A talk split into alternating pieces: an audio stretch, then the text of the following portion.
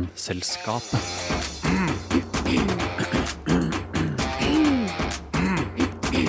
Vitenselskapet. I dag vil jeg ønske deg hjertelig velkommen til en halvtime bestående av voldsomme oppturer, tunge nedturer og av en eller annen grunn kalde hender. Vi dykker ned i kjemiens verden og tar en titt på de stoffene vi oftest har i oss.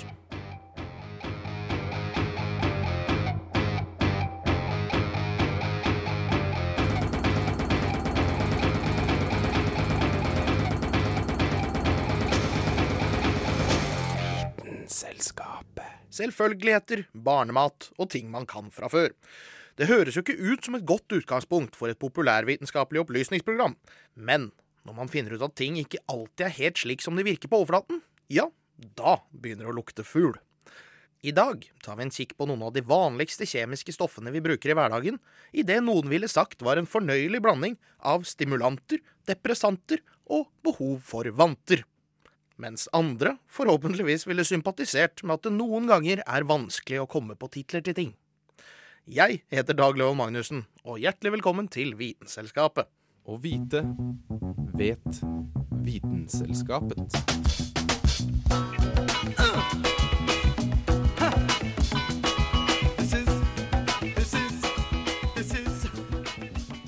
Hvorfor har vi mennesker evnen til å fordøye alkohol? Og hvor langt tilbake i vår historie kan alkoholen spores? Vi mennesker, arten Homo sapiens, elsker å drikke alkohol. Alkohol er den vanligste psykoaktive substansen vi har, og flere kulturer har uavhengig av hverandre utviklet metoder å lage alkohol på. Det er kanskje ikke så rart med tanke på at alkohol oppstår naturlig ved nedbryting av sukker og fruktose, og at man dermed kan møte på alkohol ute i naturen. Det som derimot er rart, er hvor denne tendensen til å konsumere så mye av det opprinnelig kommer fra. Den fulle apehypotesen, the drunken monkey hypothesis, hevder at alkohol, og da spesielt etanolmolekylet, blir sporadisk konsumert av dyr som spiser frukt og nektar. Det var Louis Pasteur som først utarbeidet kunnskapen om at alkohol stammer fra en naturlig prosess, en gjæringsprosess, på fagspråket kjent som fermentering. Når gjær kommer i møte med sukkermolekyler, skjer det en metabolsk prosess der gjæret produserer alkohol for å drepe konkurrerende bakterier, som også ønsker seg litt av dose av det søte sukkeret. Derfor oppstår det små mengder sprit inne i frukten. Det er postulert at dyr som kunne kjenne igjen alkoholluften i luften, kunne få en fordel over konkurrentene ved at alkoholen ledet til frukt og grønt. I tillegg til eh, sanseutvidelsen er det også et fenomen som er kjent som aperitiffeffekten, der alkoholkonsum øker appetitten og dermed får organismen til å spise mer. Og den som spiser mer i naturen, har en tendens til å overleve. Og enhver frukt, moden, overmoden eller umoden, bør spises hvis man ønsker å maksimere energiinntaket. Det er derfor dyr som spiser mye overmoden frukt, frukt som har fått fermentert en stund, vil få i seg alkohol. Spørsmålet er da, blir dyrene noen gang fulle? Mye tyder jo på det. Det er data på at dyr faktisk eh, tidvis søker ut alkohol og blir påvirket. Eh, men dette forekommer nok sjeldnere enn man skulle tro. For å bli full, altså påvirket av alkoholen, så kreves det en viss mengde. Og man skal spise svært mye fermentert frukt for å bli full av det. Da det ikke er mer enn 0,5% alkohol i fermentert fruktmasse i naturen. Så det er vanskelig å se hvorfor noen dyr skulle utvikle evnen til å bryte ned og fordøye alkohol i første omgang. Vi mennesker dog har denne evnen, men hvorfor fikk vi den? Dr. Patrick McGovern, som er noe så kul som en biomolekylær arkeolog, er en slags Indiana Jones når det kommer til alkohol. I flere år har han forsket på sivilisasjonens tidlige bruk og utvikling av alkoholiske substanser, og funnene er svært interessante, da mange av dem går tilbake til før sivilisasjonen oppsto. Dette gjør teorien om at i hvert fall mennesker kan ha dratt nytte av alkohol i vår evolusjonære prosess, mer sannsynlig. For rundt ti millioner år siden begynte noen primater å bevege seg på to ben, bipedalt som man sier på fagspråket, og rundt den tiden så skjedde det en endring i deres DNA. Basert på genanalyser har man funnet ut at disse tidlige apene økte evnen til å metabolisere alkoholmolekylet 20-doblet. Altså at de omkring den tiden de begynte å gå på to ben, så fikk de også evnen til å fordøye alkohol. Hvorfor? En teori er at de da kunne bevege seg over større områder, og på den måten få økt tilgang på nedfallsfrukt, som dermed hadde fermentert lenger. Men de måtte jo fortsatt konsumere hemningsløse mengder av den for at alkoholen skulle ha noen effekt, sånn som de andre omnivåre og herbivore, de konkurrerende dyrene på den tiden. En annen idé er at de aktivt begynte å lagre fruktjuice over tid. Og hva skjer med fruktjuice som lagres over tid? Den fermenteres og blir alkoholisk. Ettersom lagret mat og drikke er en måte å sikre gruppens overlevelse, er det rimelig å anta at alkohol har spilt en avgjørende rolle for sivilisasjonens opprinnelse. Ideen om at alkohol har vært viktig for tidlige mennesker, gjenspeiles i en annen teori, the bear before bread hypothesis, som hevder at man brygget øl selv før man bakte brød. Så tenk på det neste gang du tar ei lita sipp av rødvin eller ølglasset. At vi kan takke våre tidlige forfedre både for evnen til å fordøye alkohol, og for alkoholens kulturelle bidrag.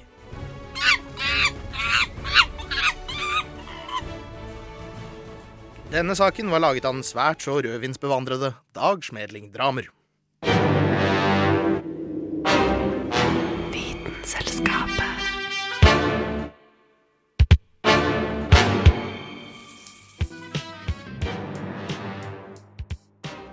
Vi skal holde oss i samme gata litt grann til.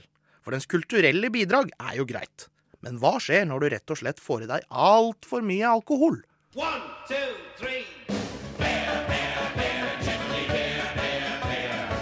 Vi hører mye om forebygging av og tegn på hjerneslag om dagen. Men noe som kan være like så viktig å være obs på, er tegn på alkoholforgiftning. Heldigvis er symptomer på alkoholforgiftning mer åpenbare enn hjerneslag. For mange av oss er de kanskje selvsagte. Alkoholforgiftning kan forekomme om en person inntar for mye etanol, enten fra alkoholholdige drikker, enkelte husholdningsartikler eller medisiner. En promille over tre er livsfarlig og kan gi alvorlige skader på indre organer, deriblant leveren.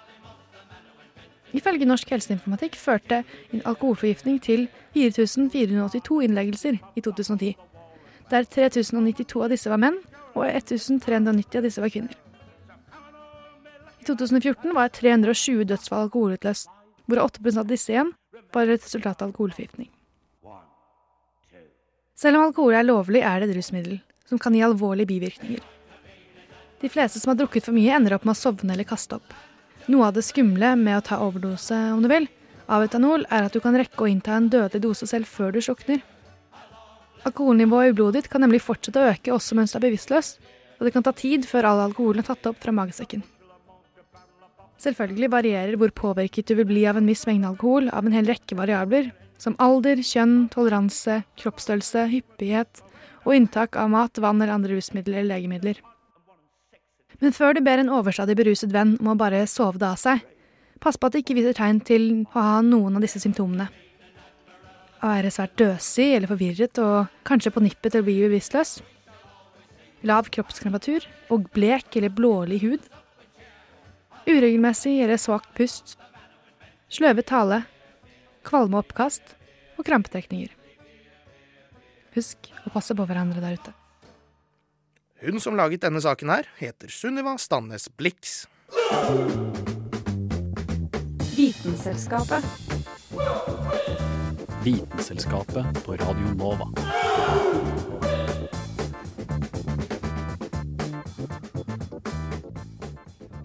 De fleste liker å ruse seg på et eller annet vis. Men hva med når du har et annet liv i magen? Hvilke følger får rusen da? Det kan hende du har hørt om crack-babies. Misforma kranier, uvanlig forma ansikt, uførhet, manglende emosjonell og intellektuell utvikling. Når crack-epidemien herja som verst i USA på 80-tallet, var det spådd harde følger for dem som røkte denne formen for kokain mens de var gravide. Babyene skulle knappast bli folk. Det viser seg at dette synet var overdrevet, ta meg bent fram feil. Du kan for det første ikke se et ansikt som er misdanna, og resonnere det fram til at dette er babyen til ei crack-røykende dame. Da er det mer sannsynlig at personen har Treacher-Collins syndrom, Pfeifers syndrom, eller ett av et helt drøss med andre syndrom. Eksponering til crack cocaine in utero har nemlig ingen følger for den fysiske utviklinga til individet. Ei klar løgn der, altså. Hva med det som skjer inni hugget, da? Blir det påvirka av veldig tidlig rusbruk? Ikke helt. Det viser seg at crack-babyer har lavere snittlig intelligens og flere sosiale problem enn normalen. Men dette har ikke noe sammenheng med crack-heita deres, men hva kår de vokser opp i. Det er nemlig en sammenheng mellom å vokse opp i fattigdom og ustabile sosiale forhold, og hjernas utvikling. Og der crack-epidemien ramma hardest, var nettopp blant disse svakerestilte gruppene. Så det er ikke cracken som skal klandres der. Det kan høres ut som det rett og slett er uproblematisk å røyke crack mens du er gravid. Sånn er det dessverre ikke. Noen av de vanligste virkningene er prematur fødsel, lav fødselsvekt og små babyer. Veksten er òg ofte saktere enn normalen. Hvordan påvirkninga til disse symptomene slår inn, har sjølsagt sammenheng med hvor mye stoff som ble brukt in utero. Når i graviditeten, i hva trimester dopen ble tid, har òg ei vesentlig innvirkning. Det viser seg at crackbabyer ikke har symptomer på abstinenser, som f.eks. heroinbabyer gjør.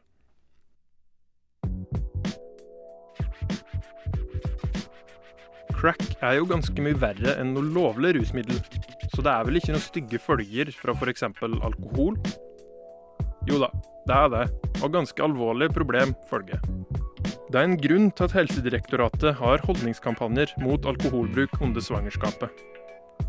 Og her vil mengda brukt og tida det er brukt på, ha noe å si. Men som myndighetene vil jeg absolutt anbefale et nullinntak om du skal sette et nytt liv ut i verden.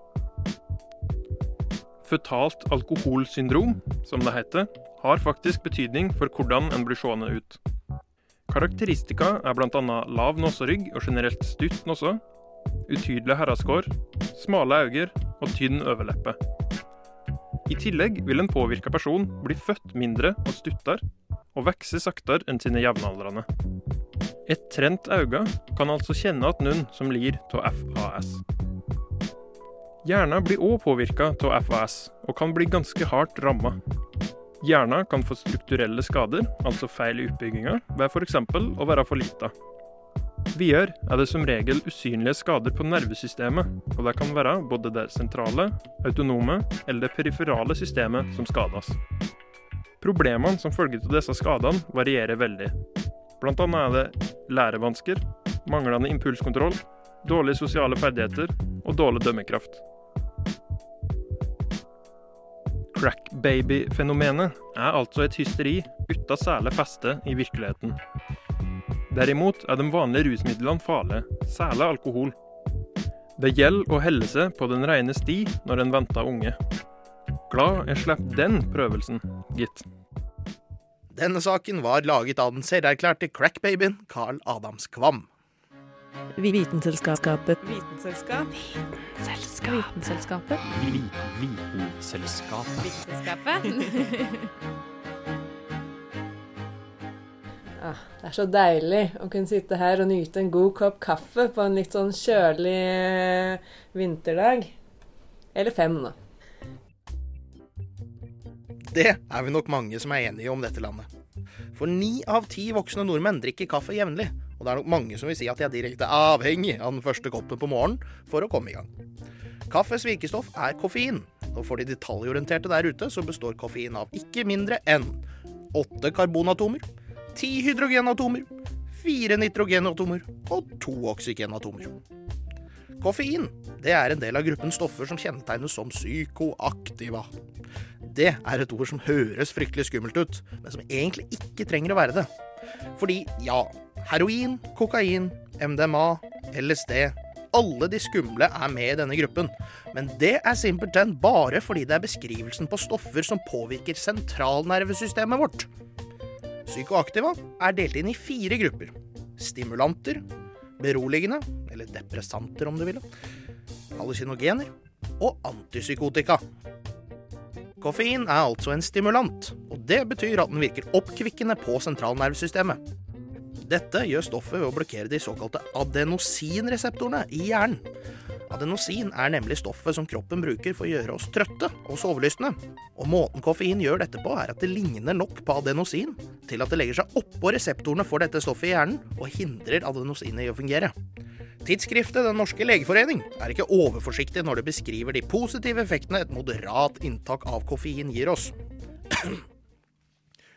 Økt velvære, bedret humør, økt konsentrasjonsevne, økt våkenhet med et forsinket søvnbehov, følelsen av økt energi, en mulig bedring av kognitive funksjoner og økt fysisk utholdenhetsevne. Sistnevnte er faktisk såpass at koffein står på den internasjonale dopinglista. Men det er hvis man tar for mye av det. Litt er lov. Litt sånn som med sjokolade på kvelden. Koffein har riktignok også negative effekter, og det kan virke blokkerende for visse legemidler og forverrende for folk som er psykisk syke eller har angst. I tillegg så er det en rekke andre bivirkninger i for store doser, og det kan påvirke kroppen forskjellig avhengig av hva det interagerer med. Jeg som står her, føler meg litt forplikta til å nevne at man også kan dø av overdose koffein. Så ikke drikk 15-20 literskanner med kaffe på stybben. Det er ikke verdt det. Men i bunn og grunn er kaffe regnet som et ufarlig stoff som ved vettig bruk har påviselige positive effekter på oss. Og det er kanskje grunnen til at så mange av oss drikker det, da. Jeg syns jo også det smaker ganske godt, jeg. Men det bringer oss tilbake til Kristin her, da. Vårt lille forsøksdyr i dag. For én ting er å lese om hva kaffe gjør med deg. En annen ting er å faktisk teste det. Fem store kopper kaffe står klare. Vi kjører i gang.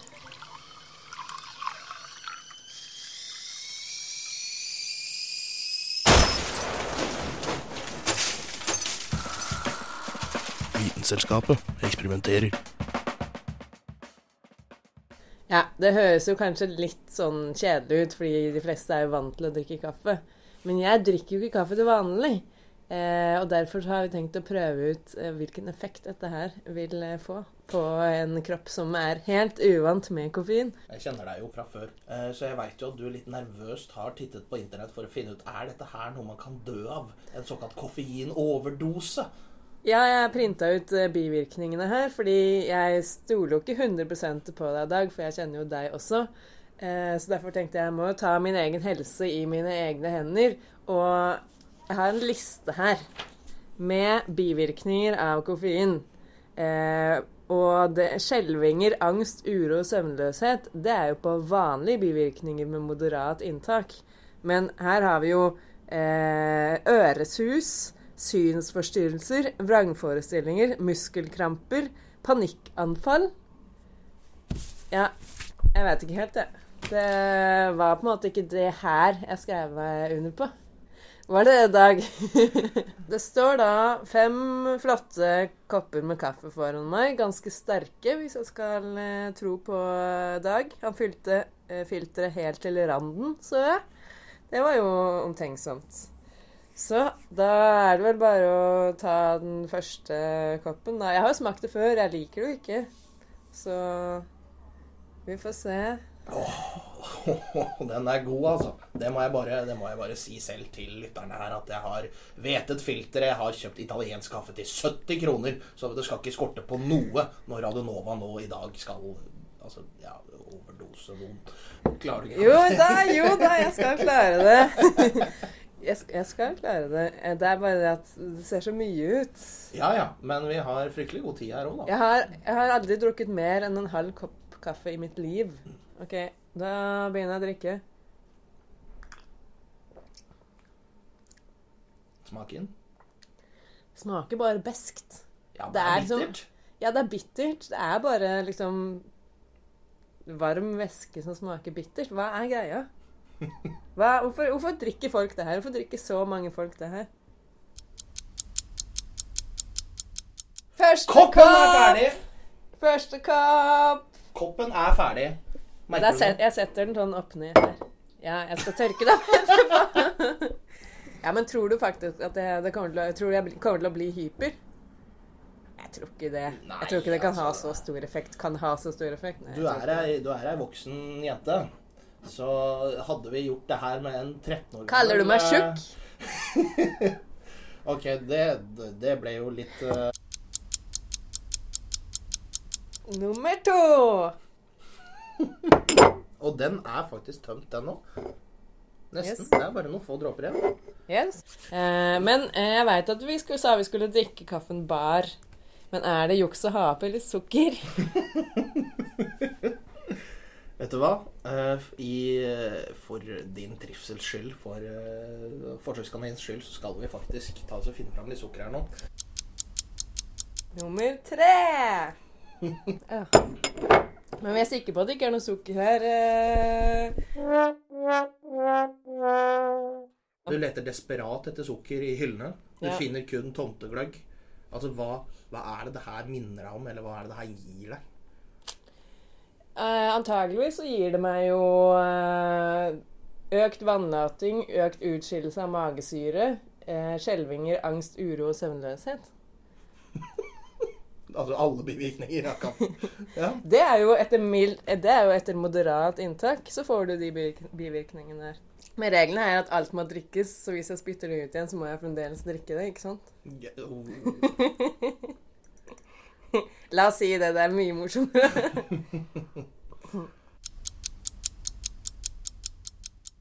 Fjerde koppen ferdig! Woo! High five.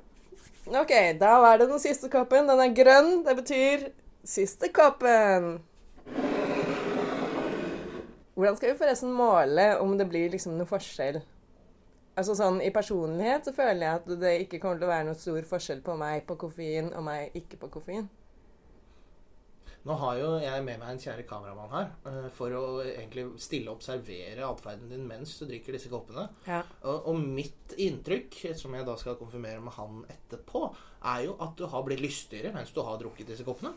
Selv om det smaker verre og verre, så har du blitt gladere og gladere. Og det er jo litt koselig, da. Ja. Det er vel fordi jeg får oppmerksomhet.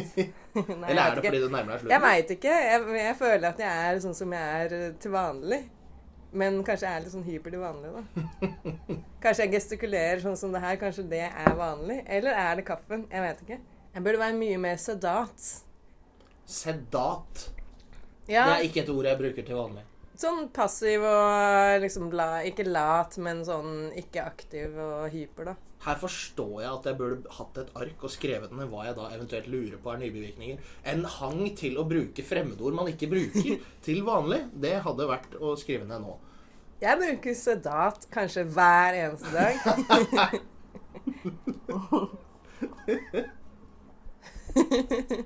Ikke døm meg! Jeg har drukket fire kopper kaffe og en halv. Og en halv, og en halv, og en halv, og en halv, og en halv. Hvordan vil du sammenligne det her med f.eks. å drikke ren sprit? Er det bedre, syns du? Nei, eller jo. Det er bedre å drikke ren sprit, fordi der er det jo faktisk sånn at i begynnelsen så er det skikkelig ille, men etter hvert så glir det ned. Her blir det jo bare ikke bedre. Men nå er den mye surere, da, enn den var i begynnelsen. I Åh. begynnelsen så var den bitter, men jeg tror kanskje det er fordi den er kaldere. Så blir den liksom surere.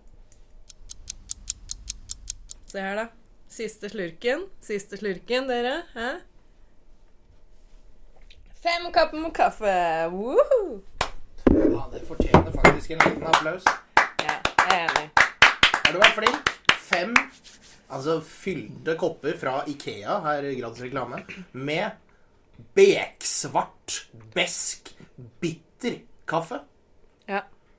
Eh, hvor mye koffein tror du det har vært til sammen i disse koppene her? Det er vel, vi leste vel at det var seks store kopper kaffe som var regna som, altså, som et stort dagsinntak. Ja, og det var vanlig traktekaffe. Mm. Og det her er, var blandet litt sterkere. Det var sterkere kaffe i utgangspunktet. Nå, for hvert kvarter som går, så er jo håpet mitt at da får vi se et nytt nivå av hva som foregår her. Det her eh, Det går fint, det her. Jeg tåler kaffe tydeligvis eh, bedre enn forventa. Ja, nei eh, Nå har jeg jo begynt å skjelve. Eh, lite grann. Men mer som at eh, jeg har vært ute og løpt eller vært i fysisk aktivitet lenge. Og så er kroppen min blitt sliten. Men jeg håper jo at jeg har måtte, fått den samme effekten som om jeg hadde vært mye ute i fysisk aktivitet. da, Sånn at jeg slipper å dra på treningssenter seinere og trene. Men det er vel kanskje ikke helt sånn det funker. det er jo noen undersøkelser som viser at man forbrenner litt mer av kaffe. Men jeg tror effekten er på en måte såpass dårlig, og ubehaget med å drikke fem kopper kaffe etter hverandre er såpass høyt at jeg vil jo heller jogge i en halvtime.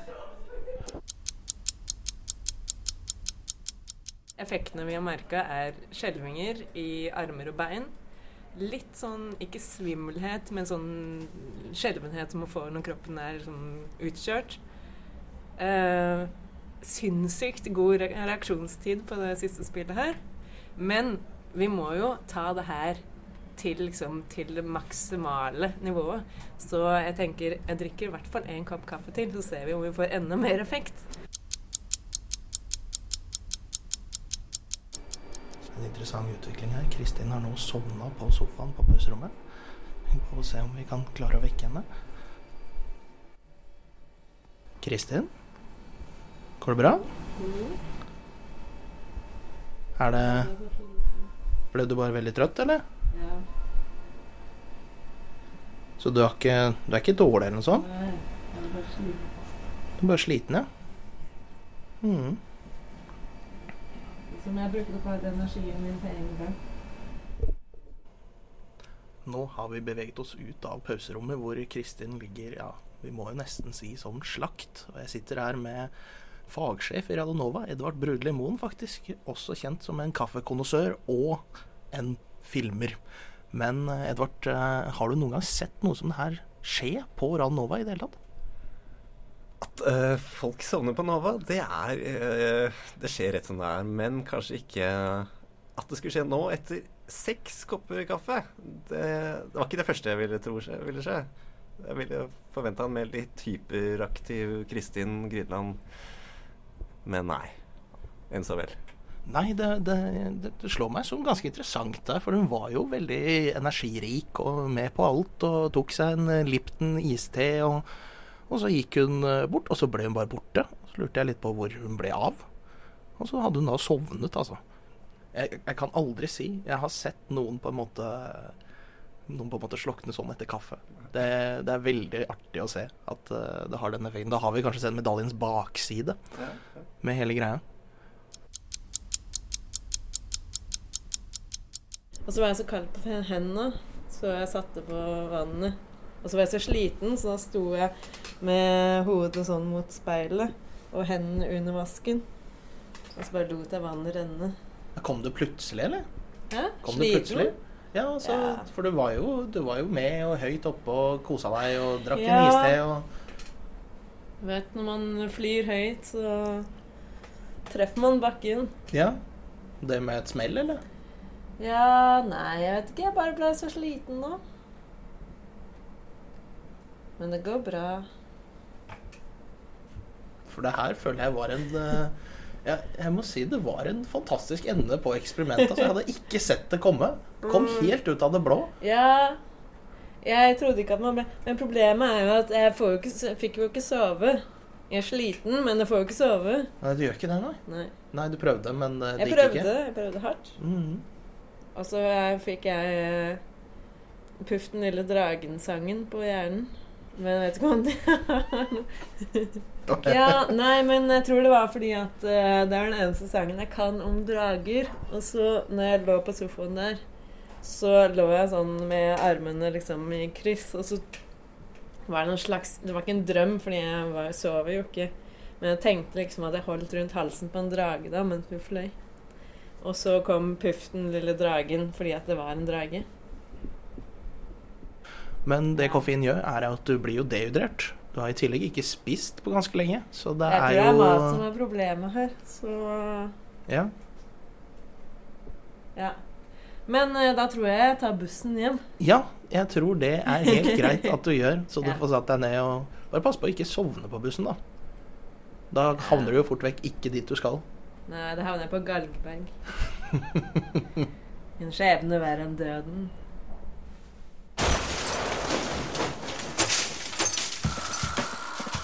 Vitenselskapet eksperimenterer. Jeg kan avslutningsvis opplyse om at Kristin Grydland kom seg trygt hjem, og har dette forholdene bra. Vitenselskapet. Det var alt vi hadde for denne gang. Gikk du glipp av noe av denne sendingen, eller har lyst til å høre flere? Da finner du oss på Soundcloud under navnet Vitenselskapet. Lurer du på noe som du kanskje har lyst til at vi skal finne ut av for deg? Send en SMS med kodeord NOVA til 2440. NOVA til 2440 der, altså. Eller send oss et spørsmål på Facebook under navnet Du gjetta det Vitenselskapet. Jeg heter Dag Love Magnussen og takker herved for meg. Neste på lufta er et eget rom, så det er ingen grunn til å skifte kanal. Vi ses. Vitenselskapet. What? Radio Nova.